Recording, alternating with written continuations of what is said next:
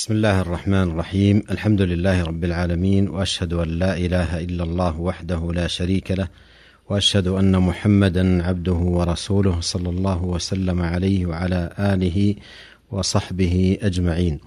أما بعد ذكر ما جاء في ميراث رسول الله صلى الله عليه وسلم أي ما تركه النبي صلى الله عليه وسلم من الدنيا.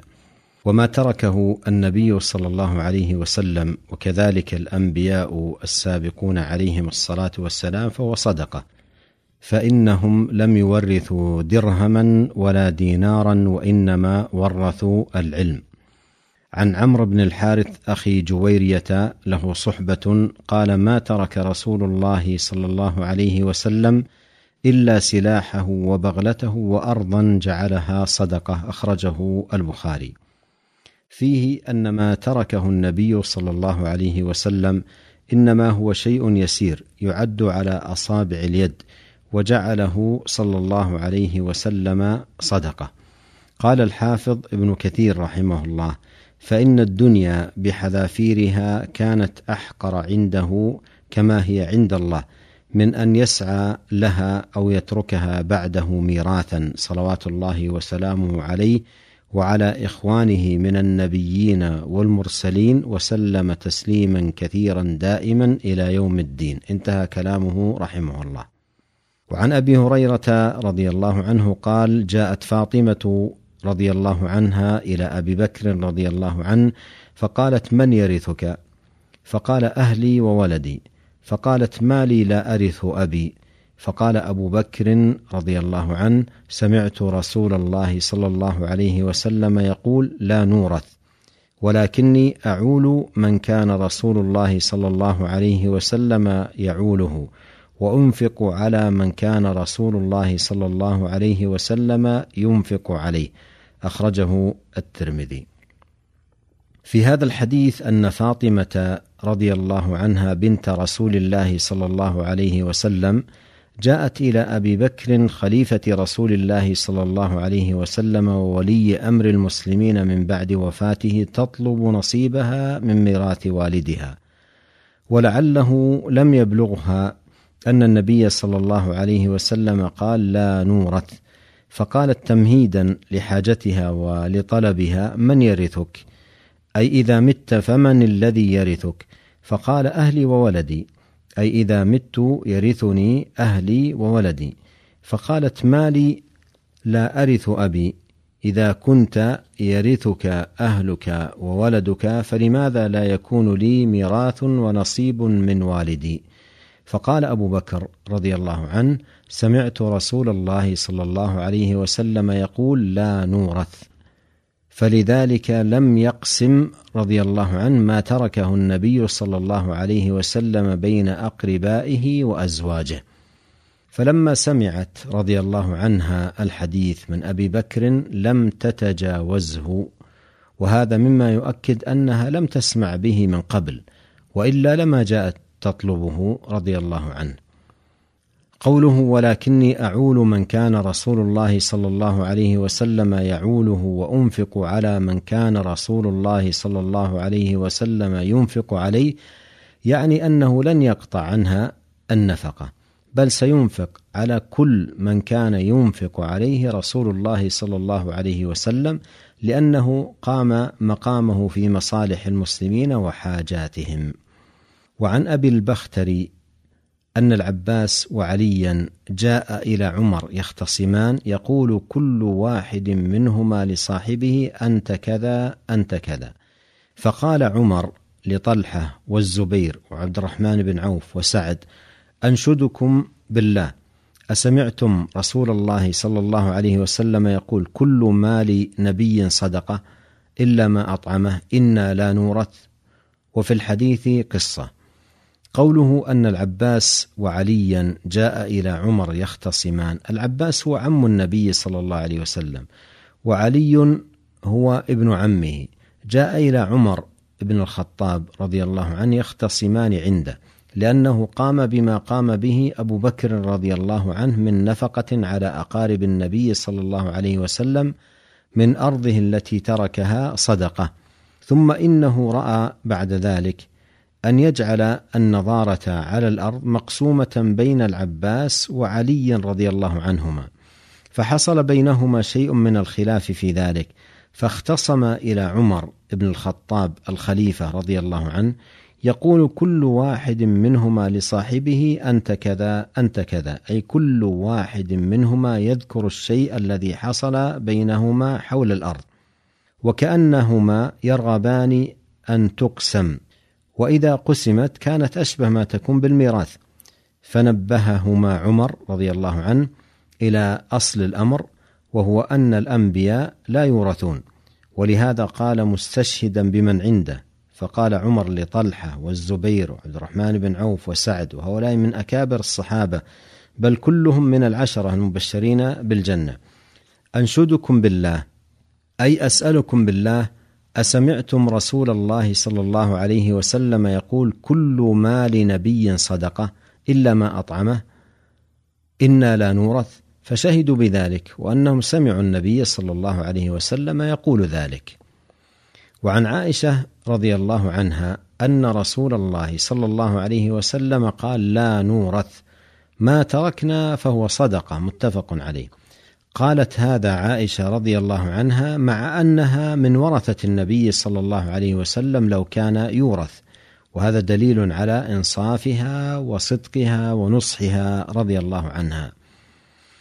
وعن أبي هريرة رضي الله عنه عن النبي صلى الله عليه وسلم قال لا يقسم ورثتي دينارا ولا درهما ما تركته بعد نفقة نسائي ومؤنه عاملي فهو صدقه متفق عليه.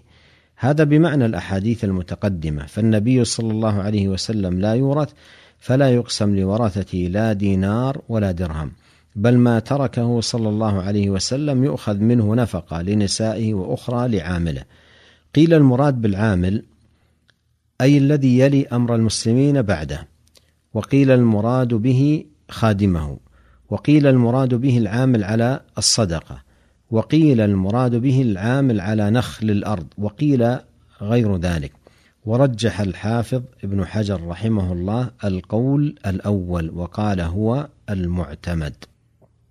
وعن مالك بن أوس بن الحدثان قال دخلت على عمر فدخل عليه عبد الرحمن بن عوف وطلحة وسعد وجاء علي والعباس يختصمان. فقال لهم عمر أنشدكم بالذي بإذنه تقوم السماء والأرض. أتعلمون أن رسول الله صلى الله عليه وسلم قال لا نورث؟ ما تركناه صدقة؟ فقالوا اللهم نعم. وفي الحديث قصة طويلة أخرجه البخاري ومسلم. تقدم بيان أن عمر جعل للعباس وعلي رضي الله عنهما النظارة على ما تركه رسول الله صلى الله عليه وسلم من الأرض ليتوليا النفقة منها على قرابة رسول الله صلى الله عليه وسلم. وكان أبو بكر رضي الله عنه تولاها بنفسه وكذلك عمر في أول ولايته ثم وكلها إلى العباس وعلي رضي الله عنهما. فحصل بينهما شيء من الخصومة في ذلك فأراد من عمر أن يقسمها حتى يتولى كل منهما قسما. فامتنع من ذلك عمر رضي الله عنه واستدل بالحديث. قوله وفي الحديث قصة طويلة هي مذكورة في الصحيحين. قال الإمام البخاري رحمه الله حدثنا أبو اليمان أخبرنا شعيب عن الزهري قال أخبرني مالك بن أوس بن الحدثان النصري أن عمر بن الخطاب رضي الله عنه دعاه إذ جاءه حاجبه يرفع فقال هل لك في عثمان وعبد الرحمن والزبير وسعد يستأذنون؟ فقال نعم فأدخلهم. فلبث قليلا ثم جاء فقال هل لك في عباس وعلي يستأذنان؟ قال نعم. فلما دخل قال عباس يا أمير المؤمنين اقض بيني وبين هذا وهما يختصمان في الذي أفاء الله على رسوله صلى الله عليه وسلم من بني النضير. فاستب علي وعباس فقال الرهط يا أمير المؤمنين اقض بينهما وأرح أحدهما من الآخر. فقال عمر اتئدوا أنشدكم بالله الذي بإذنه تقوم السماء والأرض. هل تعلمون أن رسول الله صلى الله عليه وسلم قال لا نورث ما تركنا صدقة؟ يريد بذلك نفسه. قالوا قد قال ذلك. فأقبل عمر على عباس وعلي فقال أنشدكما بالله. هل تعلمان أن رسول الله صلى الله عليه وسلم قد قال ذلك؟ قالا نعم. قال فإني أحدثكم عن هذا الأمر. إن الله سبحانه كان خص رسوله صلى الله عليه وسلم في هذا الفيء بشيء لم يعطه أحدا غيره. فقال جل ذكره ما أفاء الله على رسوله منهم فما أوجفتم عليه من خيل ولا ركاب. إلى قوله قدير. فكانت هذه خالصة لرسول الله صلى الله عليه وسلم. ثم والله ما احتازها دونكم ولا استأثرها عليكم. لقد أعطاكموها وقسمها فيكم حتى بقي هذا المال منها. فكان رسول الله صلى الله عليه وسلم ينفق على أهله نفقة سنتهم من هذا المال. ثم يأخذ ما بقي فيجعله مجعل مال الله. فعمل ذلك رسول الله صلى الله عليه وسلم حياته. ثم توفي النبي صلى الله عليه وسلم فقال أبو بكر فأنا ولي رسول الله صلى الله عليه وسلم. فقبضه أبو بكر فعمل فيه بما عمل به رسول الله صلى الله عليه وسلم وأنتم حينئذ. فأقبل على علي وعباس. وقال تذكران أن أبا بكر فيه كما تقولان والله يعلم إنه فيه لصادق بار راشد تابع للحق. ثم توفى الله أبا بكر.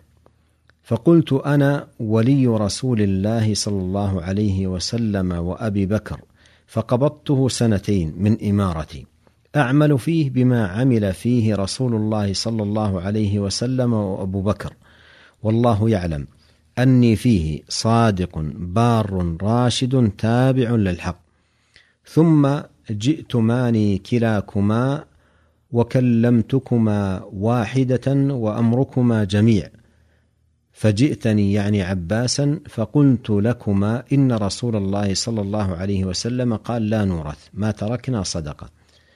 فلما بدا لي أن أدفعه إليكما قلت إن شئتما دفعته إليكما على أن عليكما عهد الله وميثاقه لتعملان فيه بما عمل فيه رسول الله صلى الله عليه وسلم وأبو بكر وما عملت فيه منذ وليت وإلا فلا تكلماني فقلتما ادفعه إلينا بذلك. فدفعته إليكما أفتلتمسان مني قضاء غير ذلك؟